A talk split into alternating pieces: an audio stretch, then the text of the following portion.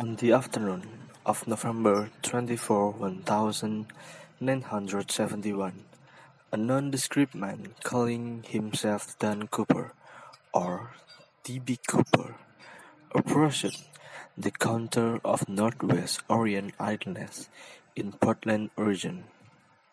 He used cash to buy a one-way ticket on Flight 305, bound for Seattle, Washington.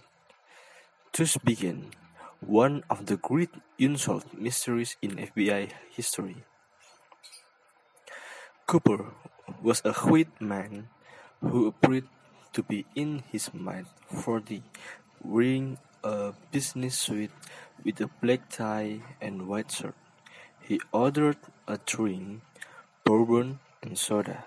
While the flight was waiting to take-off, a short time after 3 p.m., he handed the stewardess a note indicating that he had a bomb in his briefcase and wanted her to sit with him. The stunned stewardess did as he was told. Opening a chip attached case, Cooper saw her a glimpse of a mass of wires and red color sticks and demanded that she write down what he told her.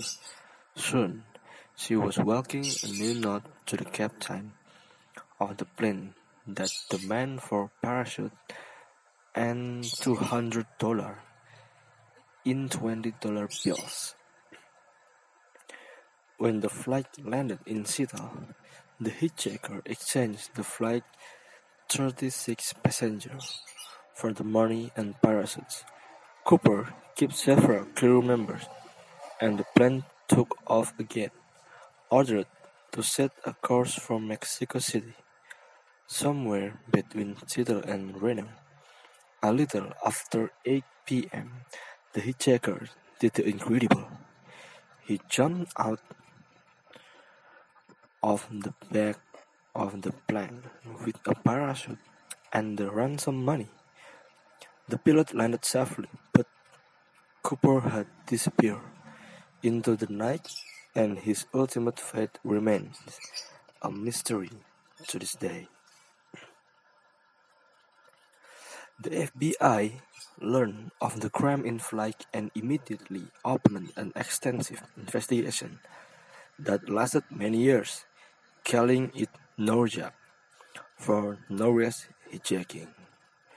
We interviewed hundreds of people, tracked leads across the nation, and sought the aircraft for evidence. By the fifth year anniversary of the hijacking, we'd consider more than 800 suspects and eliminate all but two dozen from consideration.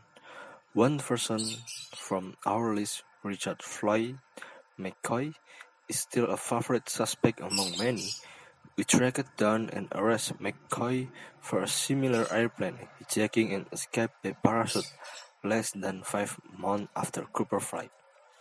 But McCoy was later ruled off because he didn't match the nearly identical physical description of Cooper provided by two flight attendants, and for other reasons. Perhaps Cooper did not survive his jump for the plane. After all, the parachute he used could be stirred. His clothing and footwear were unsuitable for a rogue landing, and he had jumped in the woods at night, a dangerous proposition for a seasoned